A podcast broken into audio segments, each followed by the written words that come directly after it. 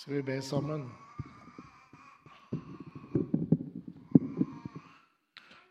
Gjør kroppen min stille så jeg kjenner mine ord. Gjør tungen min stille så jeg hører mine tanker. Gjør tankene stille så jeg merker hjertet slå. Gjør hjertet mitt stille så min ånd kan tre fram. Gjør ånden min stille så din ånd kan tale i meg. Om du har Bibelen din med deg, så skal vi lese noen velkjente ord fra Matteusevangeliets første kapittel. Matteusevangeliets første kapittel, fra vers 18 til og med vers 25. Med Jesu fødsel gikk det slik til. Hans mor Maria var lovet bort til Josef. Men før de var kommet sammen, viste det seg at hun var med barn ved Den hellige ånd. Josef, hennes mann, som var rettskaffen og ikke ønsket å føre skam over henne, ville da skille seg fra henne i all stillhet. Men da han hadde bestemt seg for dette, viste en Herrens engel seg for ham i en drøm og sa, Josef, Davids sønn, Vær ikke redd for å ta Maria hjem til deg som din hustru, for barnet som er unnfanget i henne, er av Den hellige ånd. Hun skal føde en sønn, og du skal gi ham navnet Jesus, for han skal frelse sitt folk fra deres synder. Alt dette skjedde for at det ordet skulle oppfylles som Herren hadde talt om gjennom profeten. Se, jomfruen skal bli med barn og føde en sønn og de skal gi ham navnet Emanuel. Det betyr Gud med oss. Da Josef våknet av søvnen, gjorde han som Herrens engel hadde pålagt ham, og tok henne hjem til seg som en hustru. Men han levde ikke sammen med henne før hun hadde født sin sønn, og han gav ham navnet Jesus.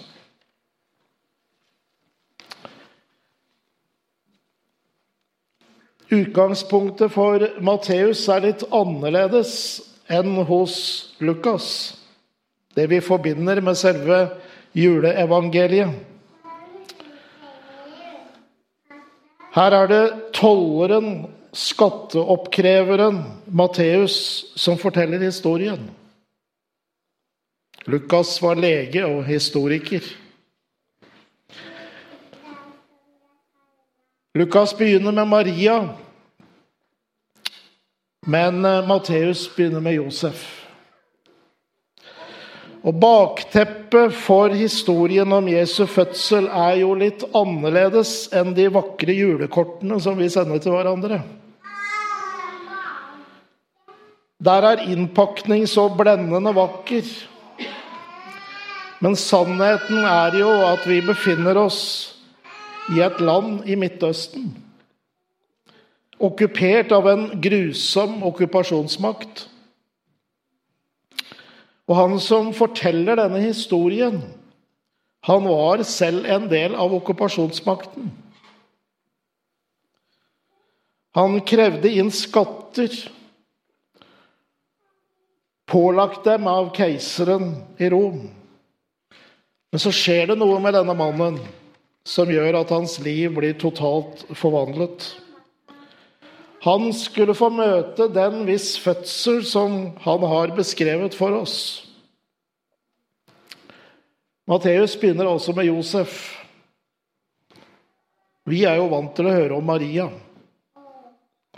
Denne unge jødiske tenåringsjenta som Josef skulle gifte seg med.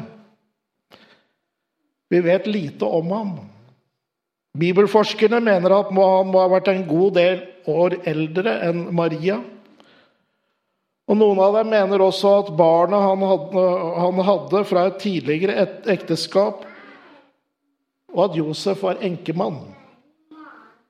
Andre utelukker dette og mener at barna Maria fikk etter at Jesus var født, var barn hun fikk med Josef.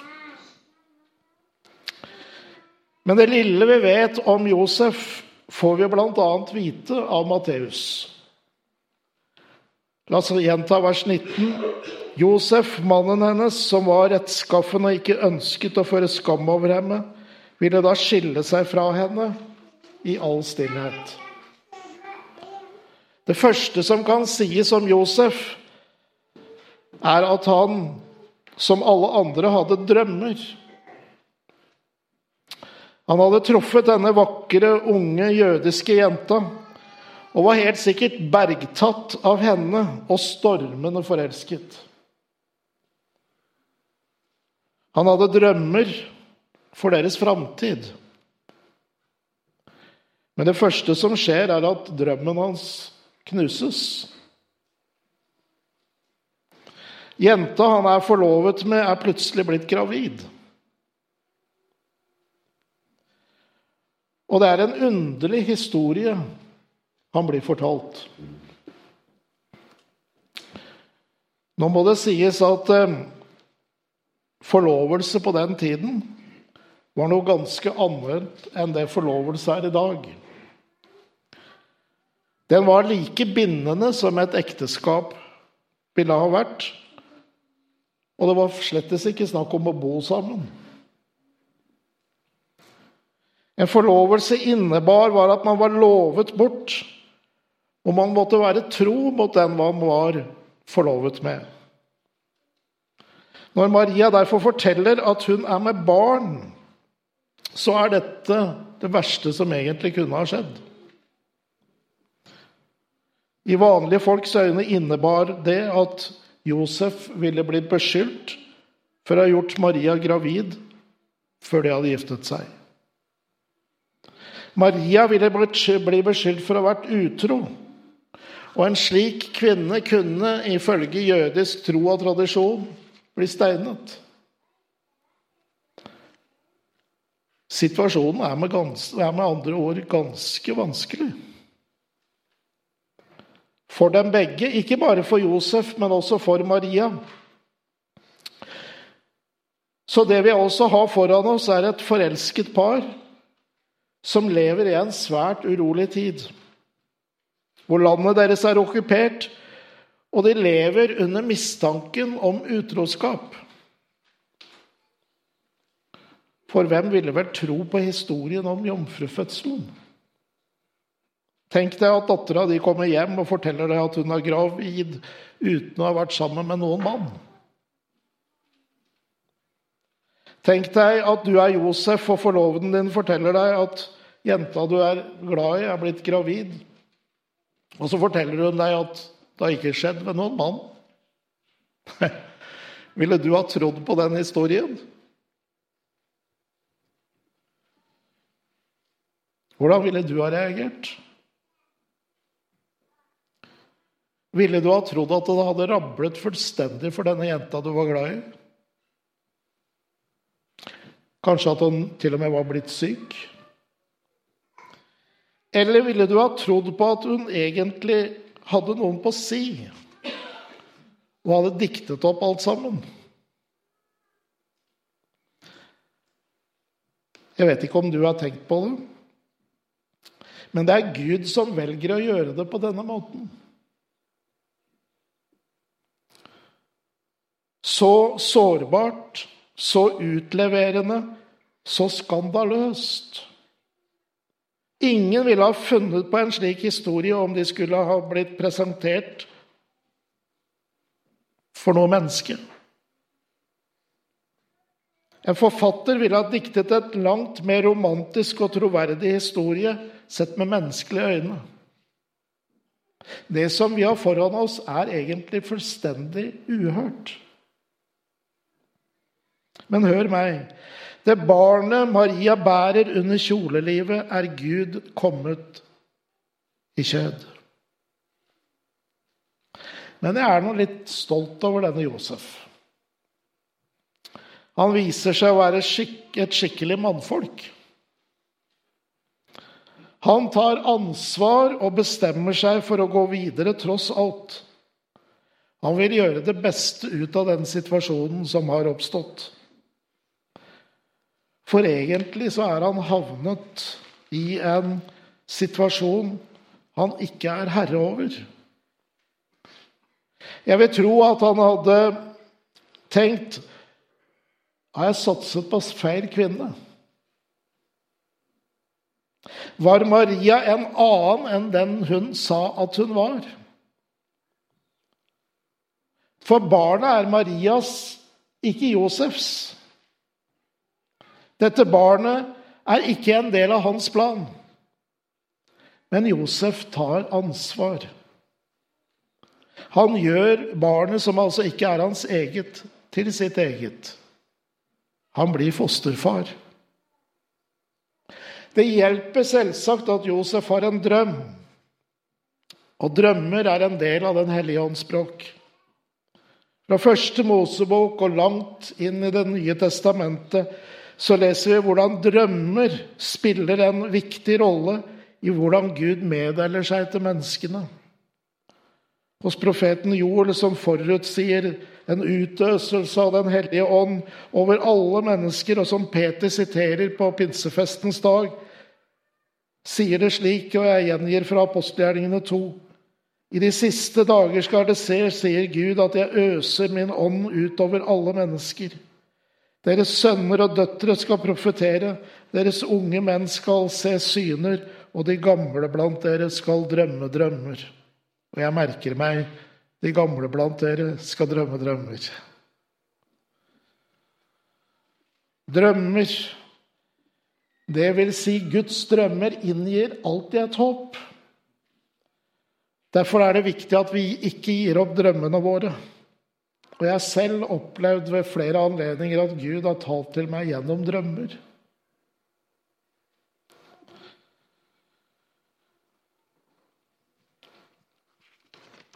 Så drøm Guds drømmer.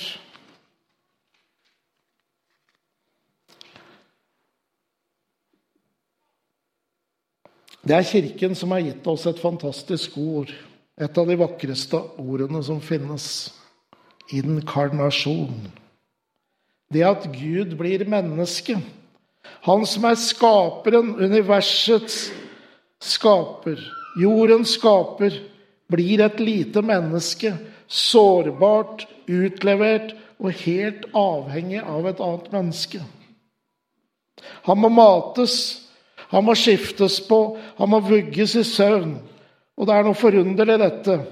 Han som er før alle tider, han som er utenfor tid og rom, blir født, ikke skapt. En tidlig vranglære i kirken går ut på at Jesus var et skapt vesen. Men det er ikke det Bibelen lærer. For bl.a. å imøtegå denne vranglæren kommer kirkens tidlige biskoper sammen i Nikea i år 325 for å forfatte en trosbekjennelse. Og Den får sitt endelige utforming i Konstantinopel i år 381. Og der heter det jeg tror på én Gud, den allmektige Fader, skaper av himmel og jord, av alt synlig og usynlig. Og så hører du Og på Jesus Kristus. Guds enbårne sønn, født av Faderen før alle tider, lys av lys, sann Gud av sann Gud, født og ikke skapt, av samme vesen som Faderen. Ved ham er alt blitt til. For oss mennesker og for vår skyld kom han ned fra himlene og ble kjød av Den hellige ånd og jomfru Maria og ble menneske.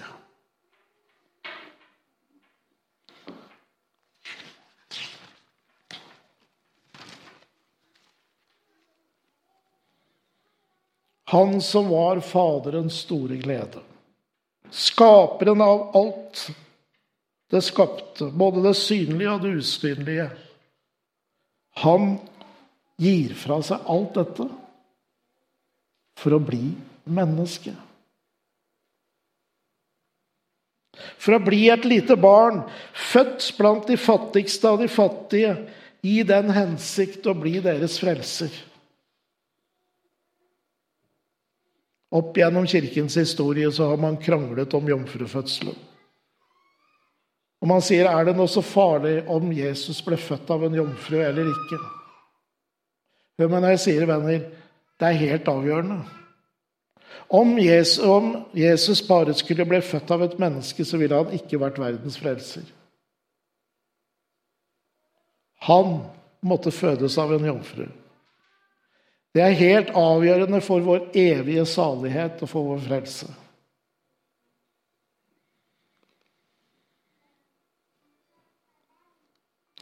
Hun skal føde en sønn, og du skal gi ham navnet Jesus, for han skal frelse sitt folk fra deres synder.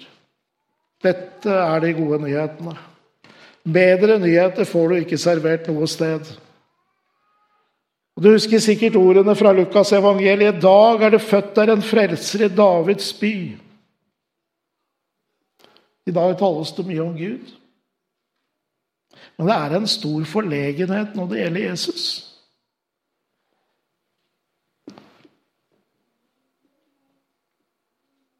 Jeg har ingenting å høre med, absolutt ingenting imot julekonserter. Det er noe av det vakreste som finnes. Men det er interessant å lese uttalelsene til sangerinnen Elvira Nikolaisen i Vårt Land her om dagen. Hun sa følgende Det mest tabu vi kan snakke om på en julekonsert, er Jesus. Og jeg som trodde at julen faktisk handlet om Jesus. Men vi nordmenn blir så blyge og litt forlegne når det blir snakk om Jesus. Vi må gjerne snakke om Gud, men ikke om Jesus. Men Bibelen slår fast klart og tydelig i apostelgjerningene 4.2.: Det finnes ikke frelse i noen annen. For under himmelen er det ikke gitt mennesker noe annet navn som vi kan bli frelst ved. Dette er hva vi samles om. Det lille, sårbare barnet. Gud som blir menneske for at vi skulle kunne bli frelst.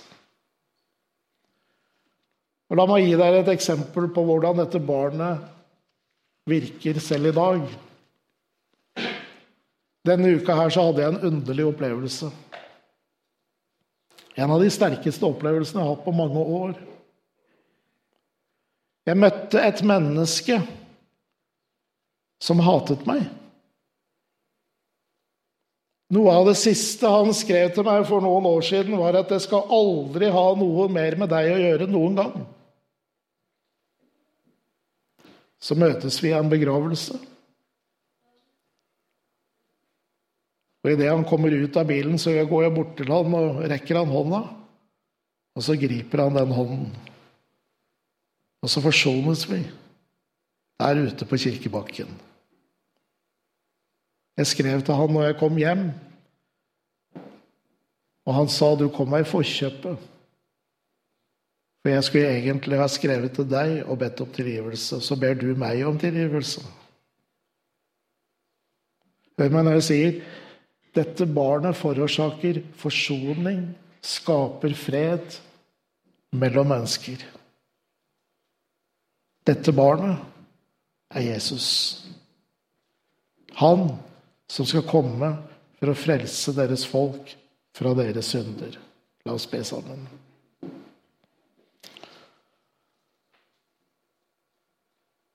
Store Gud, vi takker deg for det lille barnet. For at du ble menneske.